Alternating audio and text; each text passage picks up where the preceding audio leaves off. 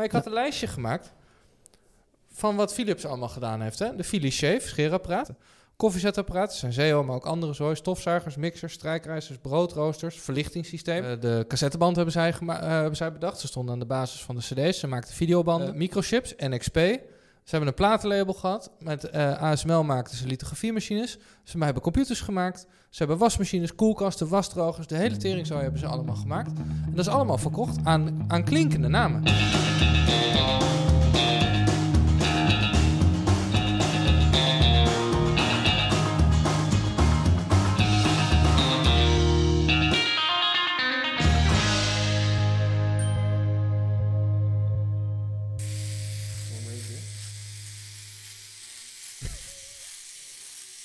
Welke stofzuiger zo of wat? Wel goed zo, hè? Waarom doe je de rest niet dan? Ja, moet ik dit ook even weghalen? Het duurt voor jullie, ja, als jullie nog even tijd hebben. Ja, ik vind het best joh. Ik vind het wel fascinerend dit. Maar waarom doe je dit? Ik heb dit één keer gedaan met zo'n apparaat. En het, het, scheert, het scheert best wel glad. Zo'n Philips One Blade bedoel je? Ja. Werkt wel lekker, hè? Ja. Welkom, luisteraars, kijkers bij Don't Be a Penguin, de podcast over positioneren. Ik zit weer met Ties Morskaten en Tal Gonen. Hoi. Goed dat jullie er zijn allemaal. Vandaag gaan we het hebben over Nederlands trots, Koninklijke Philips. Twee jaar geleden stond het aandeel Philips nog rond de 40 euro, maar de afgelopen tijd zit het bedrijf in zwaar weer. Dat kan je denk ik wel zeggen. Vandaag is het Oer-Hollands Eindhovense bedrijf nog minder dan de helft waard. Wij bespreken de positionering van deze gigant, maar ook waar het misging. Uh, maar voordat we dat doen, is er ook nog een wiki-rubriek. Ik zit al lang over dit product na te denken. En ik wil jullie eigenlijk even vragen om mee te lopen. Lopen? Ja, loop maar even mee. Ko- Ik komt heb dat ook op beeld? Want ik heb Ja. geen lange broek aan. Komt ook op beeld, ja. Oké, we lopen wel mee. Ja. We gaan heel even. Loop maar even mee. We gaan even naar de gang toe. Zo. Ja? Even met de lift. in. echt geen schoenen aan, hè? Nee, nee, nee, ik ook niet. Ik heb het. eh, ja, wacht maar af. Jullie zijn veel te nieuwsgierig. We pakken nu dus de lift naar beneden. Is de lift des doods, ja? Is het waarom? De liften in dit gebouw gaan niet altijd eh, even Waar ligt dat aan dan? op en neer. Nou, ze doen het onderhoud niet zo heel erg goed. Of ze doen heel veel onderhoud, maar het werkt niet. Dat is het eigenlijk vooral. Ze hebben nu wel de lampen aan, dat als je vast komt te zitten in de lift, dat je dan in ieder geval wat licht hebt. Dit is wel mooi eigenlijk. Je ziet- Overal zit je van die, van die halletjes tussendoor. Ja, ja, het is heel vet. Echt een dan. Nou jongens, loop maar even. eh, Ja, ga je anders maar voor. Kijk even naar, naar u. Staat het hier nou niet? Ja? Dan gaan we weer even naar boven.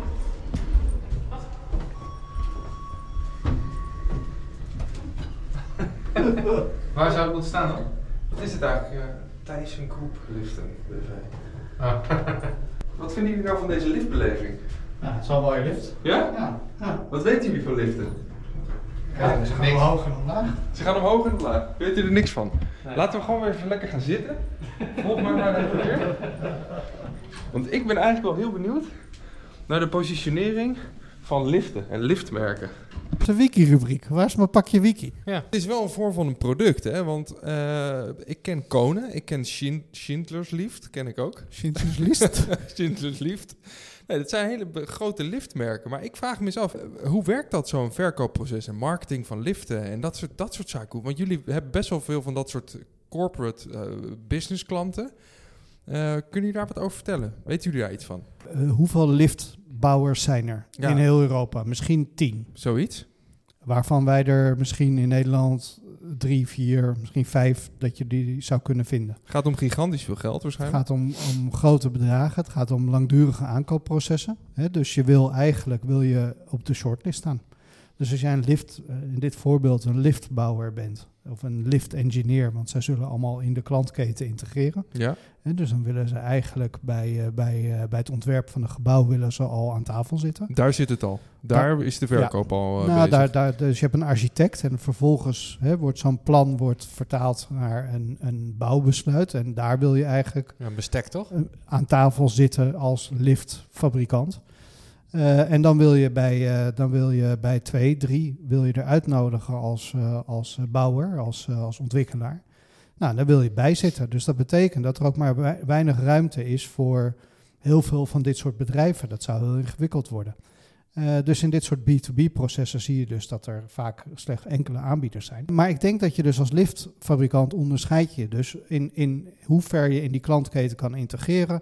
Levertijden, zekerheden, eh, garanties, eh, onderhoud, allemaal dat soort projecten. En heel vaak zie je dat dit soort bedrijven dus best wel een hele nou, uitgekiende contentstrategie zouden moeten hebben Mhm. of hebben. waarbij ze dus heel erg ingaan op, op eh, dat soort randvoorwaarden. Dat het product is eigenlijk wat minder belangrijk dan zeg maar het hele eh, merk eromheen. En het merk eromheen wordt vooral dus gebaseerd op andere aspecten. Dat is mijn take on liften. Maar je moet dus heel veel aan marketing doen, wel. Ja, want je wil dus op die shortlist staan. Dus als er, als er zes aanbieders zijn en er worden er twee of drie uitgenodigd, dan wil jij dus op die shortlist staan. En je weet nooit wanneer er een gebouw gebouwd gaat worden.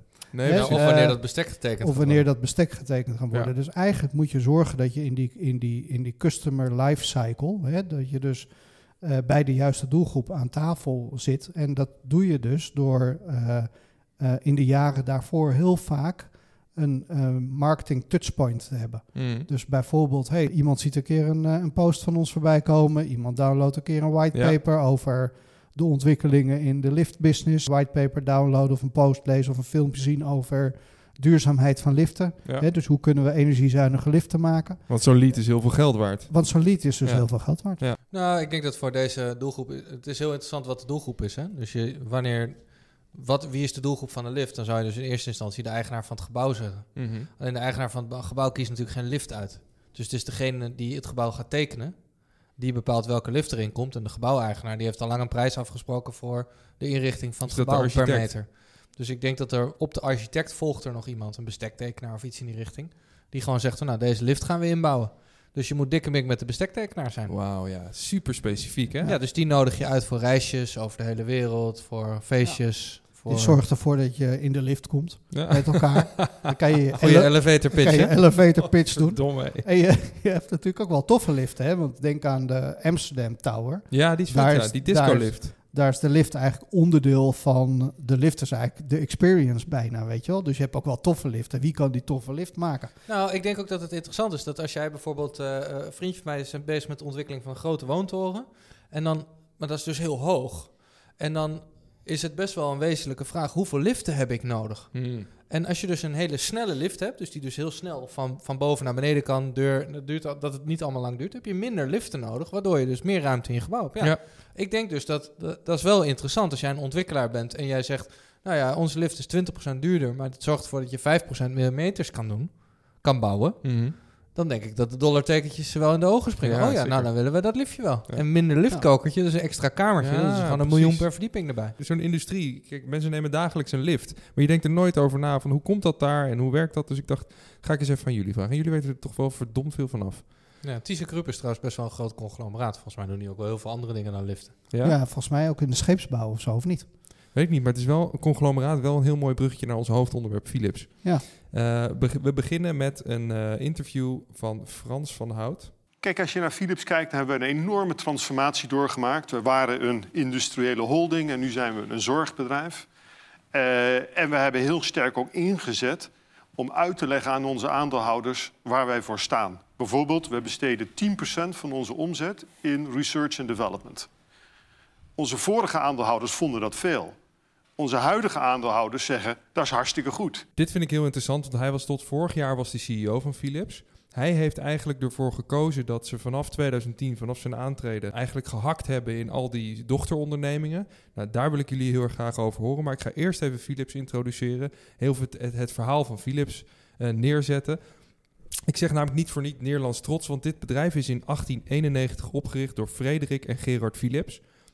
En groeide in de decennia daarna uit tot een miljardenonderneming met in het topjaar 1972, en hier schrok ik van, meer dan 400.000 medewerkers wereldwijd, waarvan bijna 100.000 in Nederland. En als wetenschappers begrepen de oprichters aan het begin van de 20e eeuw de potentie van elektriciteit en richtten zich al heel snel op de ontwikkeling en productie van gloeilampen.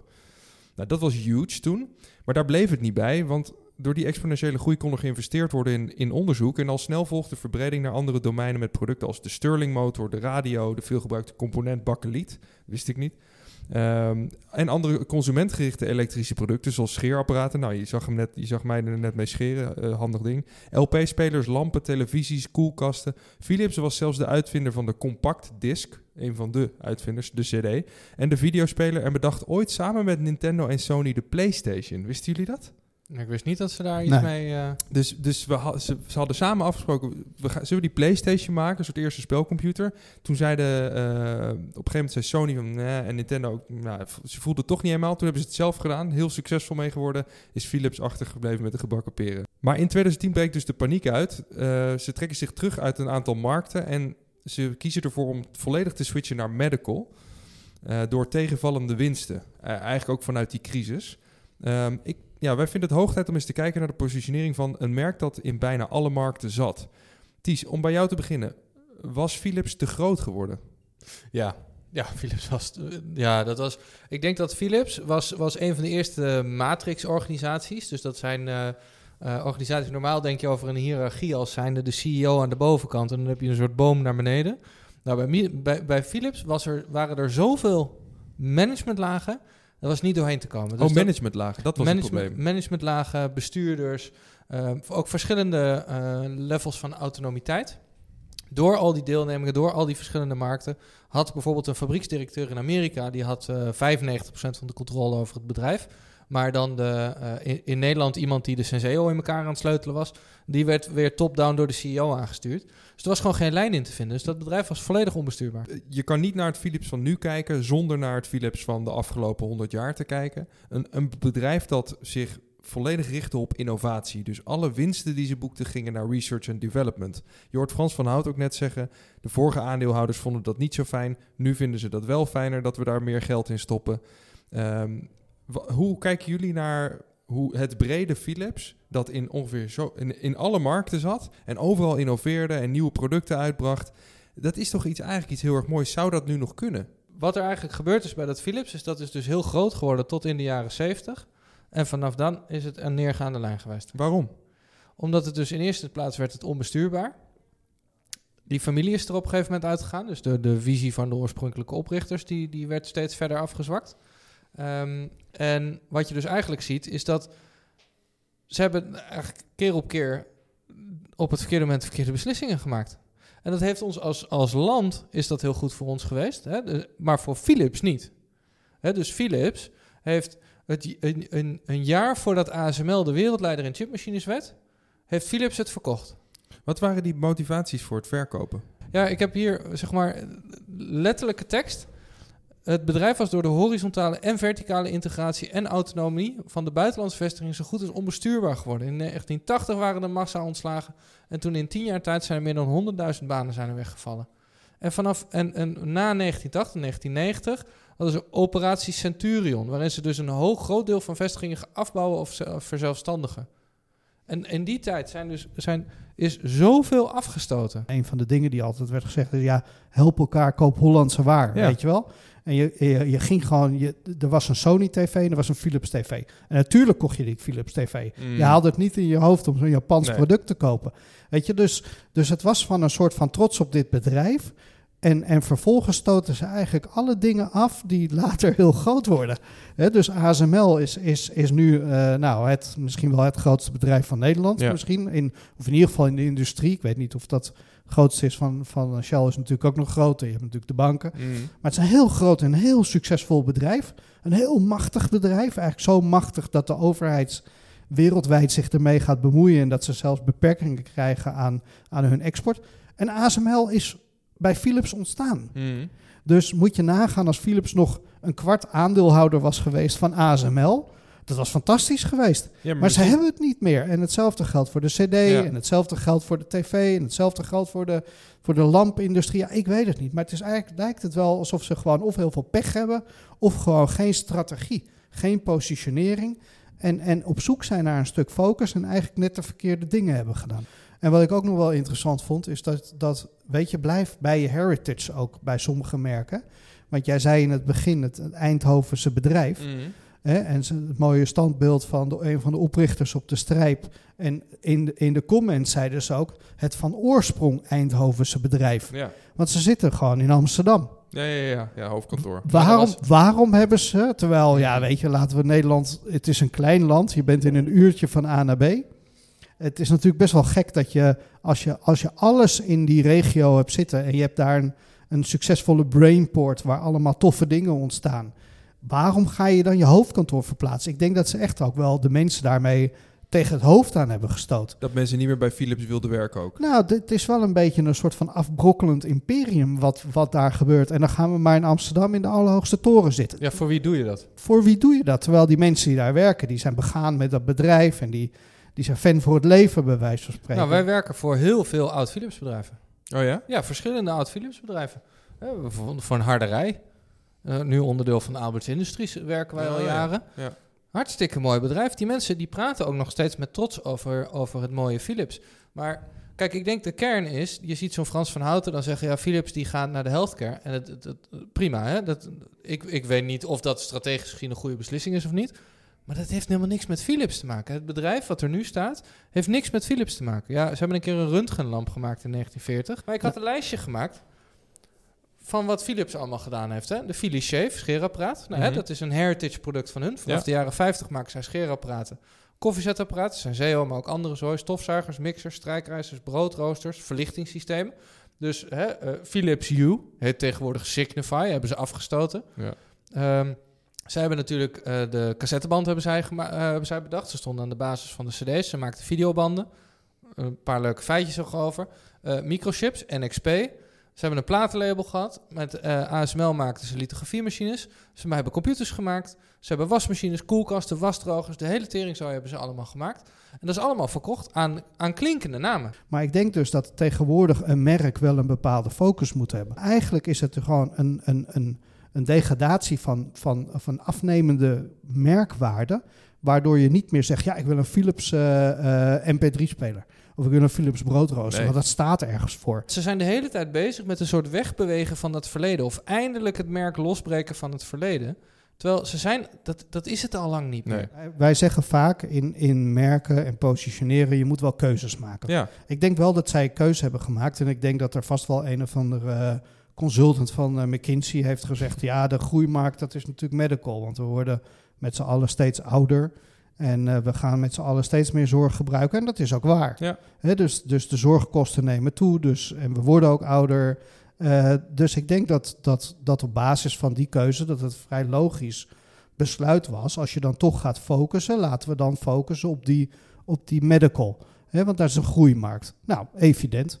Alleen de vraag is van ja, wat is er dan met al dat geld gebeurd van al die succesvolle bedrijven die ze af hebben gesplitst? Want als je dat zou investeren in een medical brand op een goede manier, dan zou Philips bij wijze van spreken een heel groot medical brand moeten zijn. Exact. Nou, er is wel een deel aan uitleg, is dat namelijk ehm, eh, Philips keert gewoon dividend uit, hè?